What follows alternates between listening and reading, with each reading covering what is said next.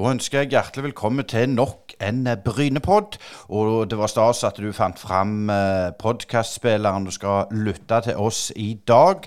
Det er viktig at alle hører på og deler oss eh, holdt jeg på å si, rundt forbi i det ganske land. Vi trenger all den støtte og oppmerksomhet vi kan få. Eh, og i løpet av denne podden så skal vi innom Eliteserien, Obos-ligaen, Post Nord-ligaen. Skal gå gjennom litt plasseringene der. Og så har vi en gjest som kommer fra de dype skoger. Vi skal òg ha en liten konkurranse. Jeg tenkte jeg skulle først gå gjennom hvordan eh, situasjonen er i eh, Eliteserien. Jeg tar topp tre og eh, bånn tre, for å si det sånn. Vi begynner med Eliteserien. Der leder Bodø-Glimt. Brann nummer to. Tromsø nummer tre i bånn i Eliteserien. Strømsgodset, HamKam og Ålesund helt sist.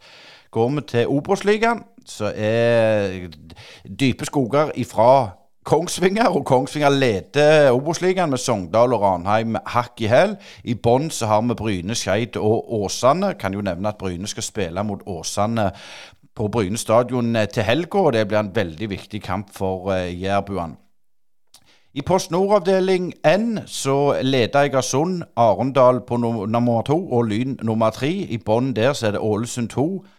Fram og Fløy Flekkerøy helt sist. I Post Nord avdeling to så leder Levanger Verdt å merke seg at de har åtte seire på rad. Nummer to er Tromsdal, nummer tre Ullensaker Kisa. Og i bånn Gjøvik-Lyn, Strømsgodset 2 og Ullern. Og jeg nevnte vi skulle ha en konkurranse. Det er rett og slett mulighet å vinne en eh, billett til livepodkasten som Bryne fotball arrangerer på Høghuset den 14. juni. Der starter arrangementet klokka åtte, mens vi i Brynepodden går på i halv åtte-tida. Der er det mulig å vinne. Vi skal dele ut Våre så heldige har fått fem billetter til å høre på Bayern München sin eh, nybakte seriemester. Da snakker vi om Bayern München Frauen. Eh, det er Tuva Hansen, altså, og den podden den blir sluppet eh, dagen etterpå, så nå har du mulighet til å få foregangsstoff der. Sikkert mulig å ta bilde og få autografer for Tuve Hansen. Så det du skal gjøre, du skal gå inn på Facebook-sida vår og skrive og tagge den du har lyst til å ha med, og så skriver du bare 'Jeg har lyst til å gå på Tuve Hansen'. For da skal vi lage en liten, lite arrangement med bilde av Tuva, så ingen skal være i tvil om hvor de skal skrive henne. Så det blir onsdag 14. juni. Eh, Trekninga den tar vi på søndag, så hiv dere rundt og meld dere på. Men nå er det over til dagens uh, hovedgjest, som er Jon Inge Høyland. Og vi skal få litt uh, mer info fra de dype skoger om uh, litt. Du hører nå på Brynepoddene. En uavhengig og litt dypere podkast som gir deg lyden av ekte sport. Vi har studio på Bryne, og herifra sender vi deg motstemmen til den overflatiske og klikkorienterte sportsjournalistikken. Gå inn og se i vår nettbutikk på Bryne Paddene med www.podbean.com, og følg oss i sosiale medier.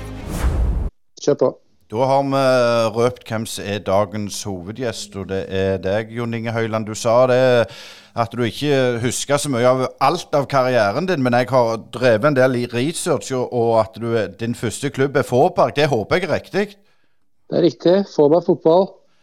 Uh, men det, det, er litt sånn uh, interessant. Du er Fåberg, og du reiser til Bryne og, og er på, på gymnaset der. og Dette er i 93, og, og du er russ i 96.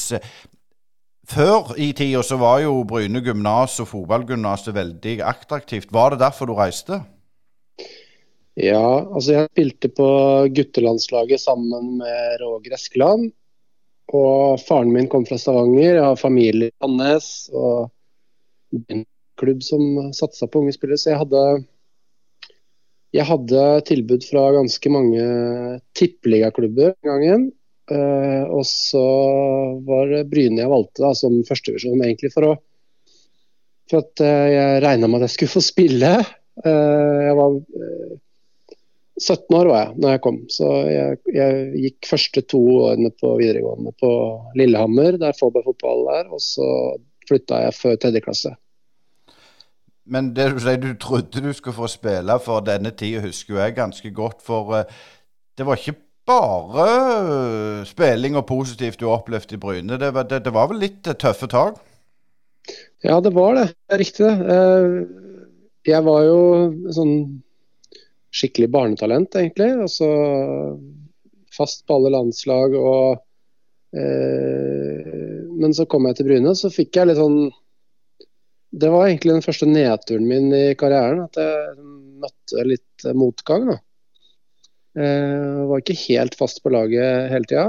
Eh, men eh, så kom det seg litt etter hvert. Og så var det egentlig først når jeg gikk fra Bryne at det virkelig løsna. Eh, det, at, jeg, at jeg ble henta av Kongsvinger i, som spilte Tippeligaen, uh, tror jeg var mye pga. det jeg gjorde på landskamper og det jeg hadde gjort før jeg dro til Bryne. Og så løsna det skikkelig når jeg kom til uh, Kongsvinger. Da. Ja, det gjorde det. Den, den, fantastiske karrieren skal vi komme tilbake på. Det var litt sånn innledningsvis jeg ville ha fram det at du møtte motgang, men, men, så var det det å skifte klubb. Du gjorde det ganske kjapt. Du prøvde liksom ikke i årevis, og så beviser du var god nok. Er det noe du, du vil anbefale unge spillere òg til å skifte, eller, eller, vil du liksom stå, stå, lenger? Jeg tror i hvert fall at uh, for mange så hjelper det med et miljøombytte. Og det var jo ikke noe gærent for, i Bryne, men det, jeg hadde liksom uh, flytet på en sky hele veien jeg, og vært god og god. Og så møtte jeg litt motgang, og det tror jeg alle gjør. Så er jo kanskje ikke alltid løsningen å flykte fra det. Uh, det er ikke sikkert det blir så mye bedre andre steder, men, men uh, iblant så kan det være lurt. Uh, andre øyne som ser deg, bruker deg på en annen uh, posisjon. Jeg ser jo liksom mange eksempler på det i Premier League. Spillere som slår gjennom seint. jeg syns jo generelt sett at det er litt for mye hausa opp i norsk fotball at man skal være god nok nå når man er 17-18 år. Det er litt dumt at vi har det systemet i mange toppklubber. at når du går ut av videregående, hvis ikke du er god nok da, så, så må du nesten dra. Eh, for du har ikke noe tilgang eh, hvis ikke du får A-lagskontrakt som regel. Da må du ned og spille i annendivisjon eller, eller lavere nivå. Og så på en måte stå i det og komme tilbake igjen. Det skjer jo med noen, men eh, litt for få. Det er bedre sånn som det er i noen utenlandske land, sånn som Tyskland, som har en U21-liga. og sånn. Så ja, det var et lite hjertesukk der. ja, men det er viktig. Nei, men det var, det var, Du har jo spilt fra U15 til, til A-landslaget. Du har vel 25 kamper, A-landskamper. Og, og, du var et kjempestort talent, og du får litt motgang der. Men den karrieren videre, hvis vi da nevner Stabæk, Kongsvinger, Rosenborg, Malmö, Kaiserslautern, IFK eh, Du er, du er mm, mester med Stabæk i 2008 og i Malmö i 2004. Tror du det hjelpte deg litt å få den motgangen såpass tidlig, eller betyr ikke det noe? Jo, det, det hjelper. Eh, jeg tror, som, jeg sa i stad, at alle på en måte kommer til å få den motgangen. Og så er det å stå litt i det. Det er viktig. Eh, ha trua på egne ferdigheter og ja, gi litt faen, for å si det sånn. Eh, så kjøre på. Det tror jeg lønner seg. Da. For meg så var det ja, så tror jeg det var positivt at jeg hadde litt motgang. Så ble jeg litt tøffere av det. Eh, du har hatt mange managere opp gjennom tiende, fra Per Joar Hansen, Janne Jønsson, Bob Bradley, Åge Steen, Per Brogeland, Tom Prahl, Wolfgang Wolff. Jeg skal ikke nevne alle. Gaute Larsen. Men, men er det den unge Jon, Høyland, eh, Jon Inge Høyland, blir han preget av managerne? Lærer han mye da? Er det viktig å være på et A-lag? Du var litt inne på at de hadde U21-liga i, i, Tyskland.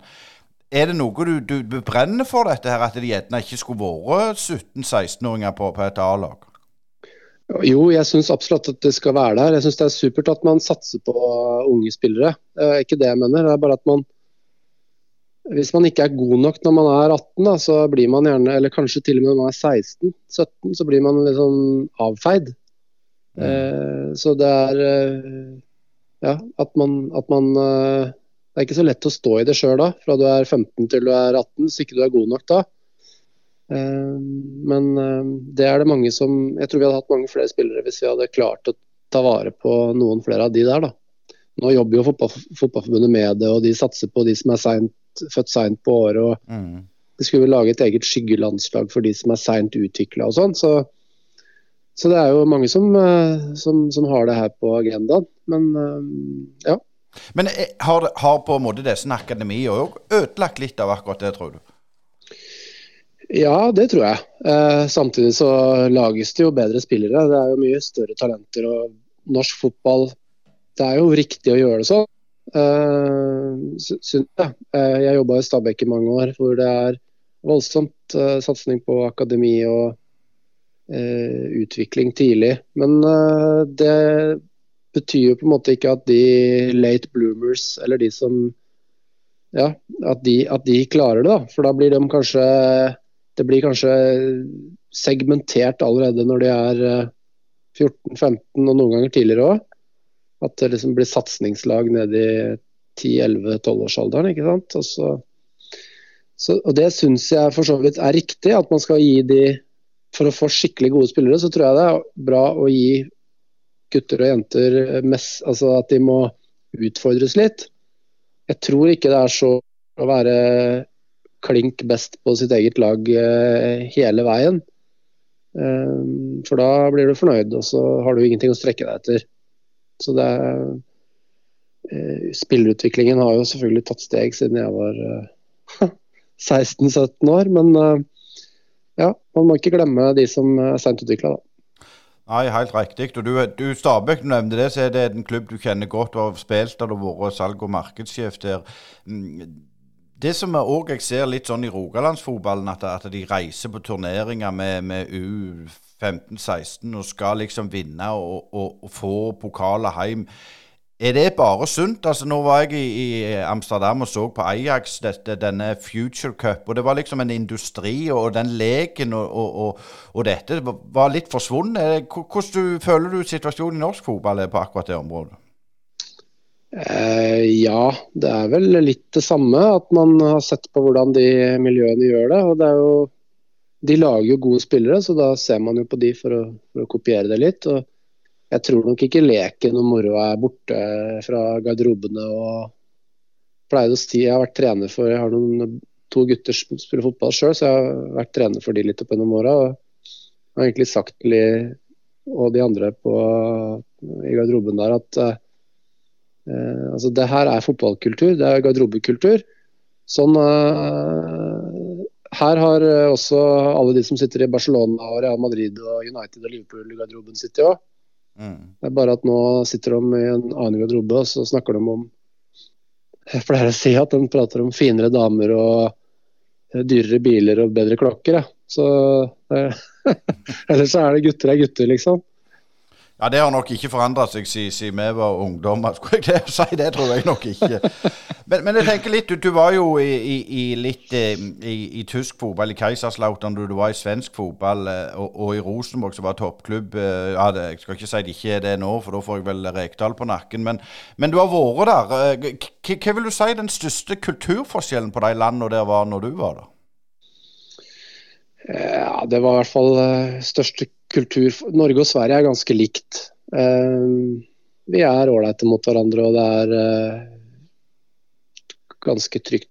Tyskland var litt spesielt, og det har jo spilt mange spillere som har spilt i forskjellige ligaer, og det er flere som sier det. Uh, der var det veldig mye bonusorientert lønn, og da blir det litt mer sånn kamp om plassene og litt, litt mindre lagfølelse. I hvert fall når jeg var der da. Så, så det er litt spesielt, da. Uh, men uh, jeg tror for så vidt uh, garderobekulturen er ganske lik uansett hvor du er.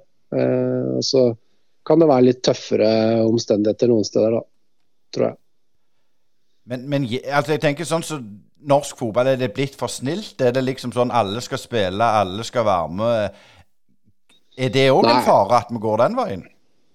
Nei, det syns jeg ikke. Eh, og jeg syns jo alle skal få spille og alle skal få være med når man er unge. og så når det blir Norsk fotball er uh, profesjonelt, så det holder, det. Det er, ikke noe, det er ikke noe alle skal spille når du kommer inn i toppklubbene. Da, da er det flinke folk fortsatt overalt. Og så handler det om å utvikle spillere og utvikle lag og skape resultater. Så det er nok ganske likt det er mange som jobber rundt, om klubb, rundt omkring i klubbene som har vært uh, ute i utlandet. Og, så det der blir kommer alltid til å være ganske likt, tror jeg. Eh, må litt tilbake til denne landslagskarrieren din, for den er ganske unik. Jeg, jeg, jeg har holdt på med denne Brynepodden nå i tre år. Jeg tror ikke jeg har sett en sånn en rekord på landslag. Det er alle landslag eh, opp til A-landslaget. Hvor, hvor, hvor, viktig var det å være i, på en måte, i landslagsvarmen og få litt nye impulser? Hvem var det som betydde mest i den, den eh, landslagsperioden? Tidlig, da, tenker jeg mest på. Jo, det Altså, hvis man ser på de G15- og 16-landslagene som var da på 90-tallet, når jeg var med der, så var det spillere fra Fåberg og Verdalen og eh, ikke sant? masse småklubber rundt omkring i Norge. Det ser du ikke i dag. Nå må du nesten til Stabæk eller Brann eller Vålerenga eller Rosenborg for å komme på et landslag. Eh, hender det liksom dukker opp noen eh, hvis det er en god årgang på Bryne eller eh, på Kongsvinger eller på Fredrikstad, liksom. Men stort sett så er det de her eh, fem-seks og Viking, da, de fem-seks storklubbene der som tapetserer landslagene. Eh, så på min periode, når, jeg var der, så var det jo kom vi jo fra småklubber, og så fikk man jo nye impulser. Uh, og det betydde veldig mye for meg, da. Um, og så var det litt sånn den gangen, så var det har jeg tenkt på at uh, på de landslagene jeg var på, så kom nesten alle spillerne fra sånne gode årganger. Altså Noen spilte på et lag som hadde vunnet Norway Cup, eller de hadde vunnet Dana Cup. Eller... Så det var, de var uh, nok stort sett en del av gode miljøer. gode treningskulturer. og Det er vanskelig å bli god alene, ikke sant. så det har jo blitt systematisert nå, da, nesten med at de storklubbene bare sveiper lokalmarkedet for de største talentene. Men det finnes helt sikkert noen juveler rundt omkring i klubber ellers også, som aldri vi får se. Det er ganske interessant det du diskuterer der, for, for vi har jo mange eksempler på det både her og i Oslo, at de reiser til, til Vålerenga og gjerne kjører tog og buss og bil i, i timevis hver dag for å få komme til en storklubb når du er 13-14 år. Eh, det, altså det, er litt sånn vanskelig, for jeg skjønner jo at de får profesjonelle trenere, de blir bedre. Men det er jo som du sier, at det, før så var det eh, landslagsspillere fra Fåberg og, og på, på, yngre, så det er jo helt slutt. Har vi mista noe av sjarmen òg, eller er det bare sånn det måtte bli? Nei, jeg syns jo det er litt dumt, da. Uh, absolutt.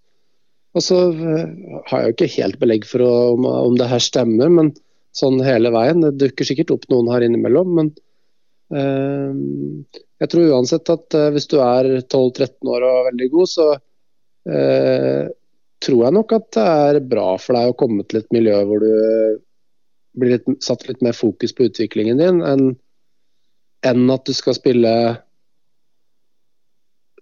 én kamp i uka på ditt eget lag, og så skal du spille én på det og laget over, og så skal du spille én på det laget over der igjen. Sånn at du blir sånn brukt overalt i en klubb som ikke egentlig har så mye spillerutvikling i fokus.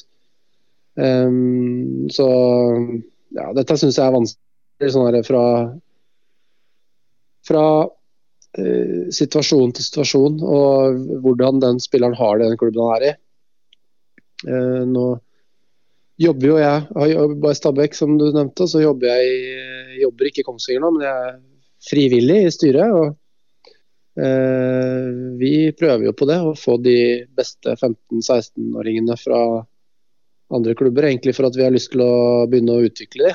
Vi vil ikke at de skal bare spille kamper og være lokal eh, helt der de er. De må, vi, vi, tror at de skal komme til oss for at vi kan uh, gi dem de impulsene og den treningsmengden som de trenger da, for å bli gode nok for, for oss og videre. Ja, Du har jo blitt styreleder nå i Kongsvinger toppfotball. Det skal vi komme litt tilbake til. For, for når du var aktiv fotballspiller og profesjonell fotballspiller, så tok du òg eh, eh, noe bachelor i sportsmanagement. Er det, er det, noe du, du, er veldig opptatt av ennå, dette med sportsmanagement? For det har jo på en måte utvikla seg kolossalt, syns jeg, iallfall de siste åra.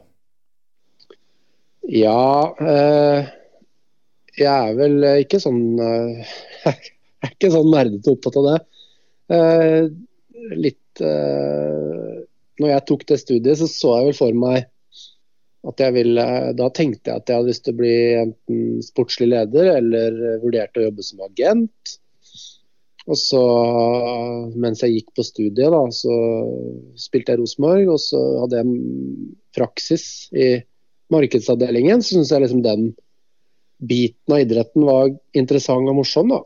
Eh, og så ja, begynte jeg å jobbe som det i Stabæk etterpå. Så jobber jeg utenfor fotballen nå, men uh, har jo sterke meninger. og prøver jo å hjelpe til litt rundt Kiel toppfotball med styreledervervet mitt. Da. Uh, at jeg bidrar litt på, på, det jeg har lært på klubbdrift i, i Stabæk, spesielt, hvor jeg jobba i mange år. Uh, men, så jeg er jo opptatt av hvordan man kan utvikle en fotballklubb, ikke bare sportslig, men også administrativt. Men, men du, du, er jo jobba i KBBL, der dere på en måte selger bu blant palmetrær i Kongsvinger, er et slagord dere bruker, f.eks. Men hva er den største forskjellen å jobbe i det sivile og i en fotballklubb som selger og markedssjef? For det, det, å jobbe i en fotballklubb, det, det, er spesielt?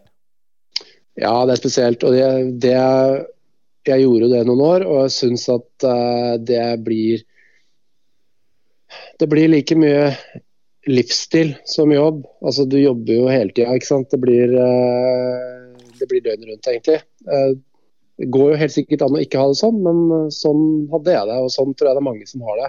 Jeg husker jeg spurte Erik Hofte når jeg var i Rosenborg, så spurte jeg hvordan er det å jobbe som sportssjef? Det var liksom i studiet mitt da. Jeg hadde litt eh, praksis sammen med han også. Så så han på meg og sa han, du veit det er ikke noe jobb det her, vet du, Jon Inge. Det er livsstil, det. Ja. Så det Ja, eh, litt sånn er det. Du, du er litt på jobb hele tida. Og det var jo litt sånn dråpen for meg i Stabæk òg, når jeg var salgs- og markedssjef der. Så eh, kommer liksom til rett før seriestart, så har jeg klart eh, Har jeg, har jeg landa budsjettet. Salgsbudsjettet for det året. Og da får jeg beskjed fra styret et par uker etterpå at de har økt budsjettet. Ja, for det, det, blir, det, blir, aldri nok. Det finnes alltid hull å putte penga i. Eh, idrett og fotballklubber det er jo ja, uh, special features of sport. da. Uh, det er Du skal forholde deg til fans, eh, kommune, Eh, resultat og tabellplassering på en helt annen måte enn du skal i næringslivet. da. Så det er um... Men var det en stor overgang? For som spiller så måtte du jo koble det av for å prestere, regner jeg med? Hva sa du? Som spiller så Måtte du koble av den støyen som kom fra både fans og næringsliv og, og, og alt når du skulle prestere? Altså I, i en sivil jobb som selger så må du jo på en måte agere ut ifra det som de rundt deg gjør. Du må, du må, på en måte stå i det mer, gjerne. Ja, altså jeg tenkte ikke, når jeg spilte fotball, så tenkte ikke jeg en døyt på, på, hva de holdt på med rundt omkring i klubben. Det gjorde jeg faktisk ikke før jeg ble godt oppe i åra. Det var bare tunnelsyn på å prestere og komme lengst mulig. Så Det er jo litt sånn man, man gjør det i en klubb òg, det merker jeg òg.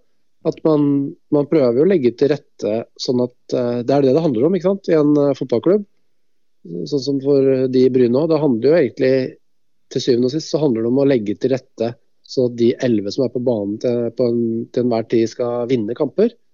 Det er det alt handler om. Så, mm, og da når jeg var blant de elleve, så var det det jeg tenkte på. Jeg tenkte ikke så mye på det andre rundt.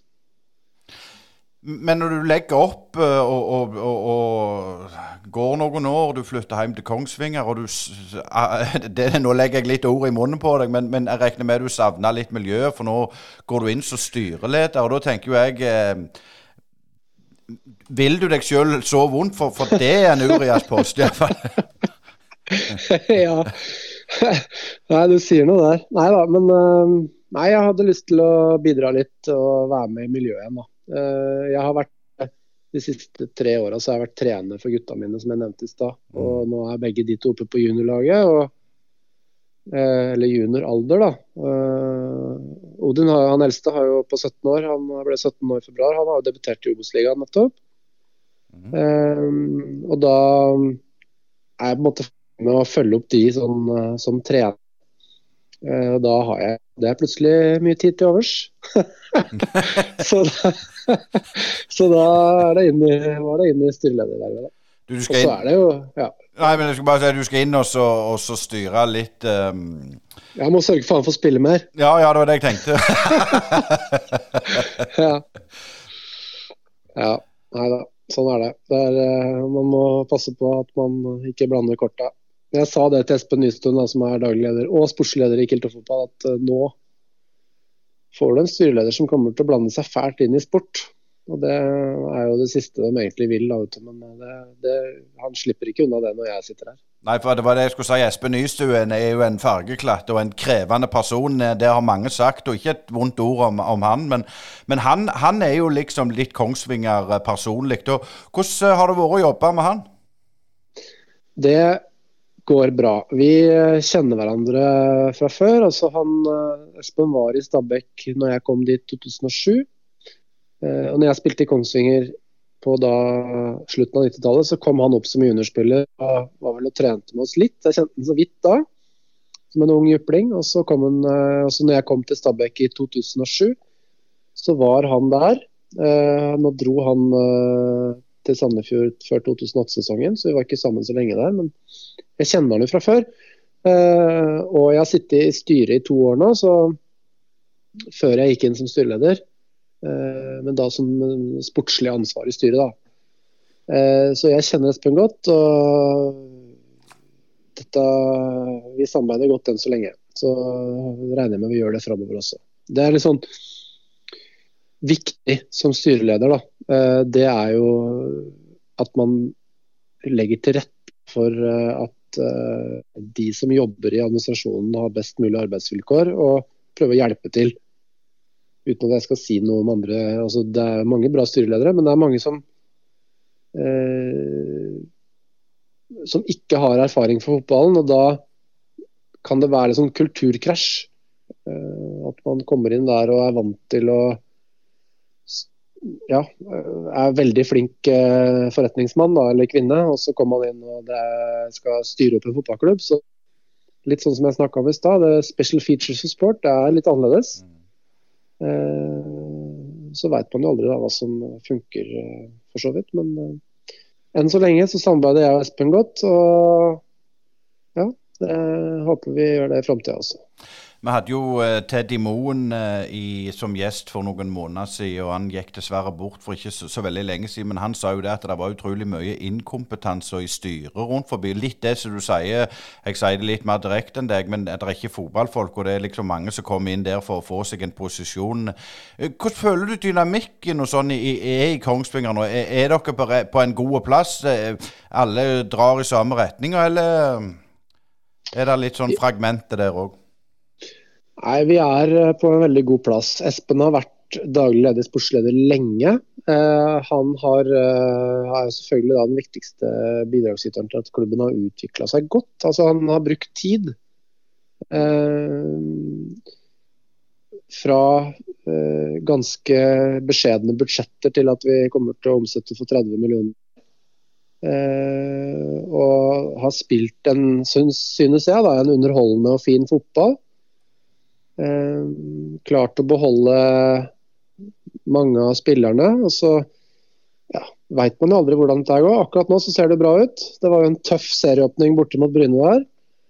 Eh, og så har det gått gradvis bedre. Nå har vi fire seire på rad og tabelltopp enn så lenge. Så det er eh, Da er det jo greit. Da er det jo bare alt fryd og gammen, vet du. Men, og så henta vi jo inn uh, Vegard Hansen som hovedtrener i år.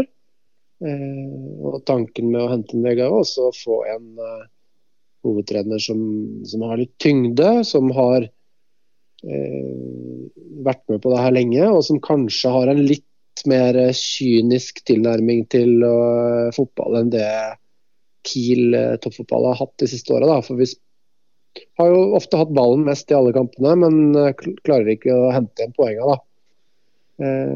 Så håper vi at Vegard skulle komme og hjelpe oss med å kneppe til litt, sånn at vi blir litt mer sånn vinnerkultur. Og ikke bare spille ballbesittende fotball eh, ut av egen 16-meterkultur. hvis du skjønte. Mm, ja, ja.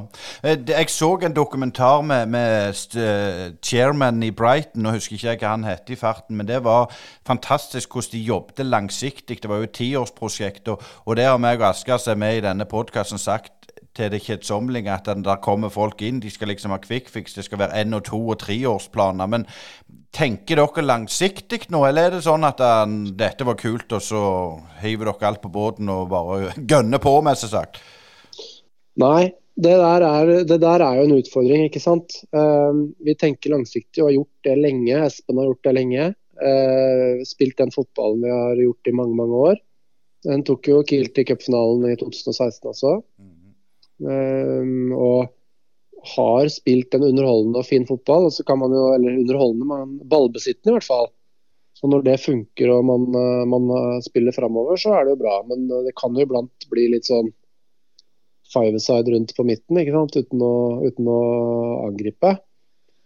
Eh, nå har vi spilt litt mer kynisk fotball. Eh, men det er viktig at ikke vi mister den identiteten. identiteten. Eh, det er veldig veldig viktig eh, sånn for langsiktigheten. Da. Eh, ja, vi må jo benytte oss av sjansen nå når vi ligger godt an og Obos-ligaen kanskje er uh, mulig å vinne. Da. Det har vært litt svakere nivå nå enn de siste to-tre åra, synes vi.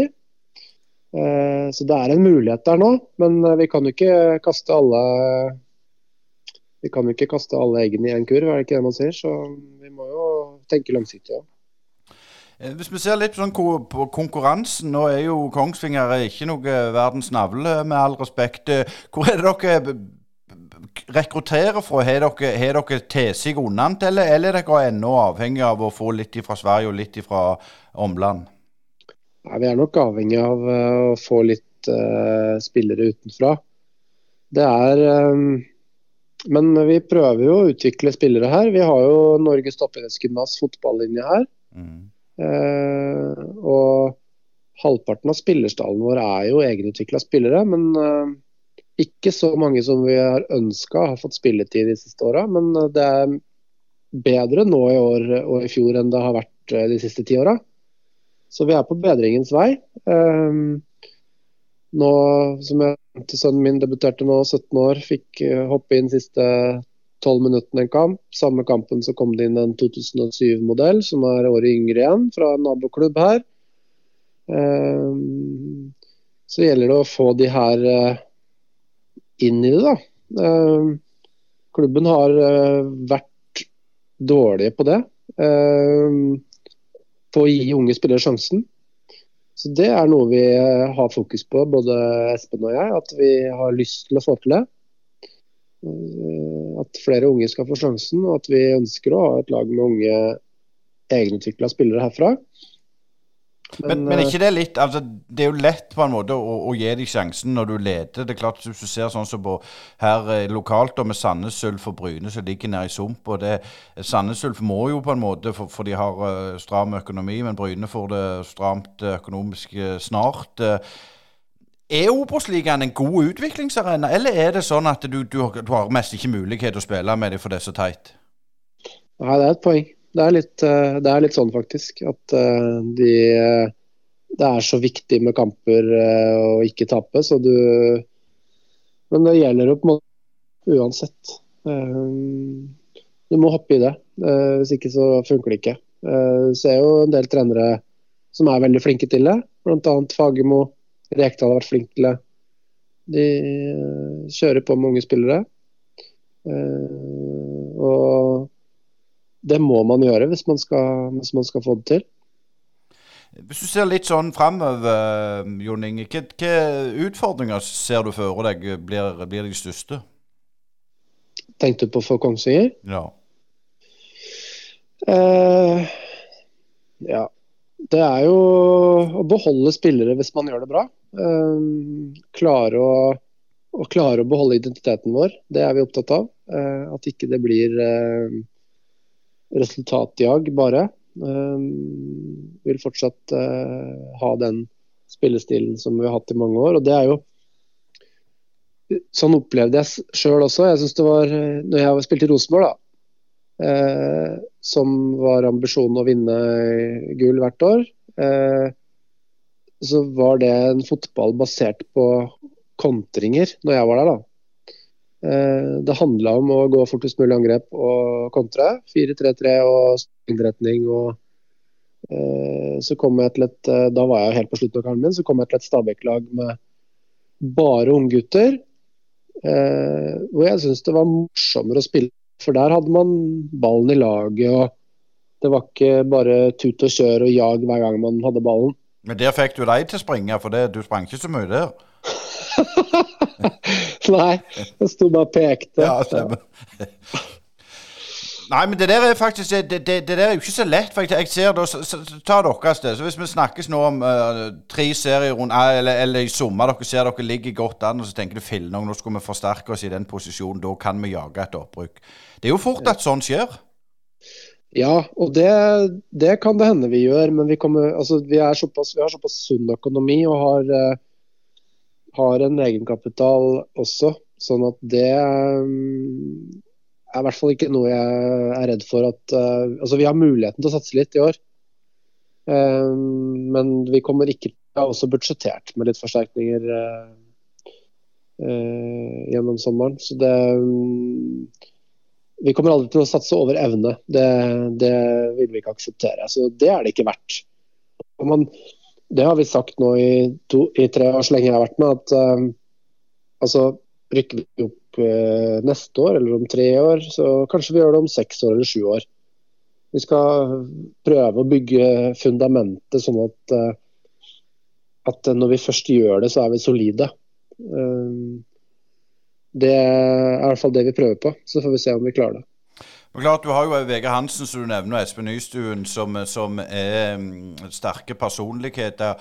Og Hvordan er det ut på en måte megleren, du? For jeg har jo sagt at dette kan jo bli, bli spennende framover. Ja. Nei, nå, så lenge det går bra, så er det jo god stemning. Så får vi se, da. Er, uh, kanskje jeg blir sånn mellommann her. Begge to skal ha støtte. ja, vi skal følge med dere, det er helt sikkert. Men, men eh, sånn som for din egen del, har du lyst til å, å, trene og, og, involvere deg enda mer nå når du får, får litt større unger og får mer tid? Nei, det um, har jeg ikke noen ambisjoner om. Det, um, det, har jeg egentlig aldri hatt lyst til, å være trener. Så nei, det, den ambisjonen har jeg ikke. Eh, du, eller liksom sånn, Hvorfor? Er, er det presset, eller, eller, er det bare at du har ikke lyst? Eller, hvis du gir oss litt interessant. For det, der var du veldig tydelig. Ja, jeg tenkte litt på det når jeg var altså Jeg tror mange fotballspillere når man er uh, aktiv, at man tenker det her kunne jeg gjort bedre. ja, ja, ja. og, så, og så tenkte jeg og, på treneryrket en stund, og så, så, spilte jeg fotball til jeg var 37. Og de siste åra så var lei av å aldri ha fri. Eh, og, hvis man, eh, og hvis jeg hadde blitt trener, så hadde jeg, hadde jeg nok gjort det med tanke på å nå lengst mulig. Og da må du være beredt på å leve det livet som fotballnomade egentlig resten av livet. Eh, jobbe omtrent hele tida og reise rundt for å få deg jobb. Det er jo ikke bare å bli bosatt et sted altså bo der og, og trene et lag du, du vil jo på en måte bli en nomade i fotballen hvis du, hvis du lykkes som trener. Um, og det um, hadde jeg ikke noe lyst til. Uh, så da Det er nok det som er, er hovedgrunnen. da, at uh, at jeg ikke har lyst til å leve livet lenger. Jeg har lyst lyst til å leve et mer vanlig, normalt liv. Ja, det er jo sånn Som fotballtrener så hvis du skal eh, altså du, Det er jo ikke bare ditt eget lag. Du skal scoute spillere, du skal se på de andre lagene. Du skal se på andrelaget, juniorlaget. Kanskje du skal se, følge med damelaget. Og så skal du på bortekamper og hjemmekamper både ja, i alle lag i klubben. Og så skal du scoute masse. Så det er uh, mer jobb enn hva folk, mange folk er klar over. Nei, det blir jo en livsstil, det òg, som du vender inne på. Mm. Eh, nå skal vi liksom få deg til å skinne litt, eh, Jon Inge. For du har hatt eh, som sagt en fantastisk eh, karriere med, med spill i både inn- og utland. Hvis, hvis, det er noen sånne høydepunkter på klubblag, så tar vi landslaget etterpå. Hva, hva vil du trekke fram? Eh, høydepunktet er vel gullet i eh, Allsvenskan med Malmö FF 2004. Eh, da fikk jeg jo eh, også lov til å skåre det avgjørende målet, sånn at vi, vant det gullet. Det var gøy. Jeg skårte ikke så mange mål, og da er det gøy å skåre et viktig mål. Og så da var det 16 år siden Malmö hadde vunnet i, gull, så det var jo en folkefest uh, av en annen verden i Malmö. Uh, det var utrolig gøy. Det er nok høydepunkt én, da. Bare si det før du går videre. Du er jo en forsvarsspiller, så etter mine beregninger så Det stemmer nok ikke helt, men du har 246 kamper og 9 mål, så Nei, 14 mål, faktisk. Så det, det, det er ikke hverdagskost. Så, så du var heldig med den. Ja, ikke sant. Det var, eh, det var en strafferetur. Mm. Så kom jeg og løp den inn i mål. Så, men, men. Mål er mål. Mål er mål. Eh, du vant jo òg med, med, Stabæk. Hvor, hvor, hvor, gøy var det i forhold til den med Malmö? Går det an å måle sånne titler opp mot hverandre? Ja, det gjør det vel. Det jo, var jo også utrolig artig. Eh, det, mm, da var jeg en del av et uh, utrolig godt fotballag. Det var veldig gøy den sesongen der å spille fotball. Det var sånn Vi satt i garderoben før kamper. Det er eneste sesongen jeg på en måte har hatt den følelsen. Hvis jeg husker jeg satt på, Vi satt på Molde stadion, skulle møte et ganske bra Molde-lag. og så satt vi liksom ja, Spennende å se om, det, om vi vinner 3-0 eller 4-0 i dag. liksom. Vi visste vi vant. Vi var så gode. Så det var, eh, det var utrolig artig. Vi hadde um, veldig mange gode spillere og spilte en fotball som var uh, morsom. Så det var, uh, det var kult, det også. Og så når jeg kom, Da kom jeg jo fra Malmö til Stabæk. Da husker jeg um, min gamle trener fra Malmö, da, som fra forrige perioden min i Malmö, Tom Prahl. Uh, da var jo han trener i, i Viking. Mm. Og så ringte han og prøvde å få meg til Viking. Og så sa jeg at eh, jeg hadde bestemt meg for å reise til Stabekk. Og det, så sa han Stabekk? Skal du dra til Stabekk? Det er jo en liten klubb, sa han. Eh, og det var jo det. Men mm. det gikk, gikk, jo som bare det med oss de åra der.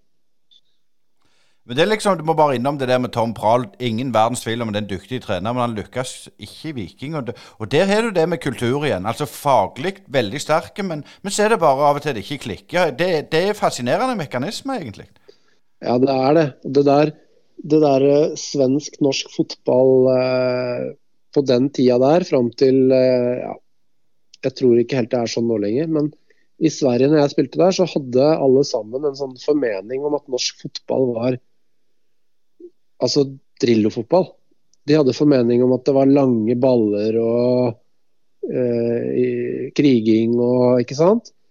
Eh, mens eh, det var jo tvert om. Norsk fotball var jo alle lag i angrep. Ikke sant? Det var jo så høyt tempo. Uh, og alle lag skulle angripe. Så det var, um, det var mer sånn blokk mot blokk i Sverige. 4-4-2. folk lå og venta på hverandre. og Eh, jeg opplevde vel sånn at det var flere spillere med bedre individuelle ferdigheter i Sverige. Mens norsk fotball var mye, mye høyere tempo og mer trøkk. Og Det tror jeg en del av de svenske både spillere og trenere ikke helt tok inn over seg da når de eh, kom hit. Blant annet uh, Tom, tror jeg, som uh, Han henta jo en spiller som ikke fikk spille hos oss i Eh, i Malmö, Petter Abelsson. Mm. Eh, men han var veldig god i lufta, så han tenkte jeg, han tar jeg med meg, for han, han kan stå en skalle unna baller. Og så var det ikke akkurat den fotballen som han hadde sett for seg, tror jeg. Dette er min versjon, da. Men jeg tror, tror, ikke du er så langt under sannheten heller. Eh, vi må over til, til, landslagskarrieren, for du har vel totalt Nå skal det iallfall eh, ja, det er mange, mange landskamper. Det er 25 på A-landslaget, annet. Og Ehm, det òg var jo en reise med mange oppturer. Ja, det var kom, Jeg kom meg aldri til noe mesterskap, da, så det var litt uh, kjedelig. Men uh, det var en fin, uh, fin periode. og ja, Jeg trivdes godt der. Jeg syns det var gøy å spille på landslaget. og spesielt de årene med Åge Hareide i starten der, hvor vi fikk et bra landslag. og Vi, vi var jo nære, da. Røyk mot Tsjekkia i kvalen det ene året, og så røyk vi mot Tyrkia neste kvalik. Så vi spilte bra fotball, syns jeg, med Åge i starten. 4-4-2 og hadde en, en god spilt, Spilte en, en, bra fotball, men uh, endte der også med litt mer sånn kynisk fotball til slutt, før han uh, ga seg. Men, uh, litt kjipt at det aldri ble noe mesterskap, men fine år. Sånn, så det er litt det der med, med, Nå er du far til noen som er up and coming. Er, er, er det vanskelig måte begrense seg, eller er det sånn at du på en måte vil Du vil jo selvfølgelig det beste for, for ungene og guttene dine, men eh, er det sånn av og til du må gå noen runder med deg sjøl at nå, nå, må du ta det litt rolig, Jon Inge? Nei, jeg tror egentlig Jeg tror egentlig det er litt uh, andre veien. Uh, de som har spilt fotball sjøl, eh, veit på en måte at det der er ikke opp til meg. Det der må komme innenfra. Jeg tror nesten det er verre med de foreldrene som er som ikke har fått til noe sjøl, som er helt eh, desperate og blander seg inn i ungens utvikling. Eh, jeg tror, eh, tror nok det. Jeg bare husker de sa det på NTG i Stabekk, at eh, der er det mange ressurssterke foreldre, ikke sant. Mm. og med en gang en sønn eller datter uh, ikke får spille eller ikke er med, så er det telefon fra far eller mor. Og nesten fra advokaten. Ikke sant? Hva er det som skjer? Men uh, du får aldri den telefonen fra uh, Erik Thorstvedt eller ikke sant? De som har spilt fotball før, da, som har ungene sine der. Men du kunne fått den av Alfie Haaland? Ja, kanskje. Hvis han har vært sånn. ja, nei, var... nei, men altså På det, på det Stabæk-laget der så var jo Skal vi se om jeg husker Lars Bohinen, Emil Bohinen spilte der. Eh, Torstvedt var der. Eh, ja. Det var tre-fire av de som har vært gode landslagsspillere for Norge. da. Eh, det var sånn Fra skolemiljøet så sa de at vi hører ikke noe fra de foreldrene liksom, på, på sport og ungen. Det er ungene må klare seg sjøl. Mm. Og litt sånn tror jeg det er. Eh, jeg har i hvert fall sagt det til gutta mine hele tida, at eh, det der eh, får du styre sjøl. Jeg er der og støtter og backer, men må, det må komme innenfra. Og det er i hvert fall ikke noe tvil om at han sønnen til Alfie har det innenfra. Så Men, men det, nei, nei, det er jo helt selvfølgelig det er jo helt utrolig. Nå er det jo Champions League-finale til helga. Men som hvis du ser sånn stort på det, er, er det fantastisk bra for norsk fotball òg, eller ser ikke vi markedsverdien av det? Eh, det tror jeg ikke vi gjør. Jeg tror ikke vi ser markedsverdien av det. Men selvfølgelig er det fantastisk at, uh, at han herjer i Premier League, og det samme med Ødegaard i Arsenal der. Det er jo et kvalitetstegn på, på norsk spillerutvikling. Mm. Selv om de selvfølgelig er enere. Så ja. Det vil eh, få flere klubber til å få øynene opp for norsk fotball. og det kommer til å, har allerede ført til at det er flere spillere som kommer seg ut. Eh, og så ja. Det er positivt. Det er det. Um, nå går tida, Jon Inge, men vi må litt innom Kongsvinger helt til slutt. her. Nå leder dere tabellen. og uh, Vi har ikke snakket om målsetninger, det har vært litt sånn vage der. Men hvis vi spør veldig konkret, uh, hva er målet for inneværende sesong? Målet er å utvikle seg hele tida. Nei da, nå er jeg kjedelig. Nei, nå vi ser Ja, den var kjedelig. var ja, ikke sant. Ja. Uh, hvis, hvis, altså, vi ser mulighet. Men eh, det er jo ikke noe sånn at eh, vi, vi kommer aldri til å si at vi skal rykke opp, for det er, er så mye tilfeldigheter som, som, kan gjøre det. Men vi kommer til å gjøre det vi kan for å komme så høyt som mulig på tabellen. og eh, Selvfølgelig ser vi mulighetene for å, for å klare å rykke opp direkte. Det hadde jo vært eh, helt magisk.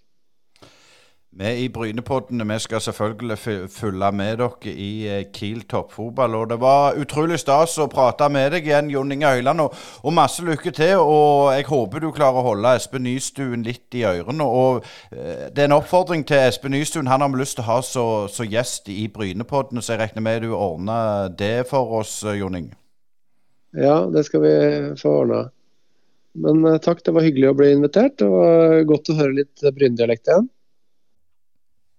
Det var Jon Inge Høyland fra de dype skoger der. Og vi hadde innledningsvis eh, en konkurranse. Den må vi minne på at eh, du kan vinne fem eh, billetter til livepodkast med Tuve Hansen. Det er med i Brynepodden som har blitt leid inn på et nettverkstreff fra Bryne FK. Og hvis du har lyst til å leie oss inn til et um, show eller en livepodkast, er det selvfølgelig mulig. Og vi er òg glad for å få sponsorer og støtte. Det er viktig. Så uh, skal du vinne disse fem billettene, som er da onsdag 14.6 klokka 18 i 18. etasje på det høyeste huset du finner på Jæren. Og etter jeg eh, har hørt, så er det tredje største i Norge, altså Høghuset på Jæren. Eh, showet begynner Eller det åpner dørene klokka 18.00, og da er det litt eh, arrangement utenom livepodkasten. Den trår i gang vel i halv åtte-tida. Men for å melde deg på, så skriver du på Facebook-sida til Brynepoddene 'Jeg har lyst å gå', og tagg den du har lyst til å gå i lag med. Eh, jeg skal lage en, et konkurransebilde med Tuve Hansen der, og hun vant jo, som, som alle vet, Bayern Münchens eh, seriemesterskap. Det var det vi hadde for uh, denne gang. Brynepodden er på gang neste torsdag. Og ja, Du har vel gjerne forstått hvem vi skal ha da, men husk å melde dere på konkurransen og vinne en uh, livepodkast uh, og være ringside når Tuve Hansen og Brynepoddene er på gang. Tusen hjertelig takk for uh, fulle, og vi snakkes neste torsdag.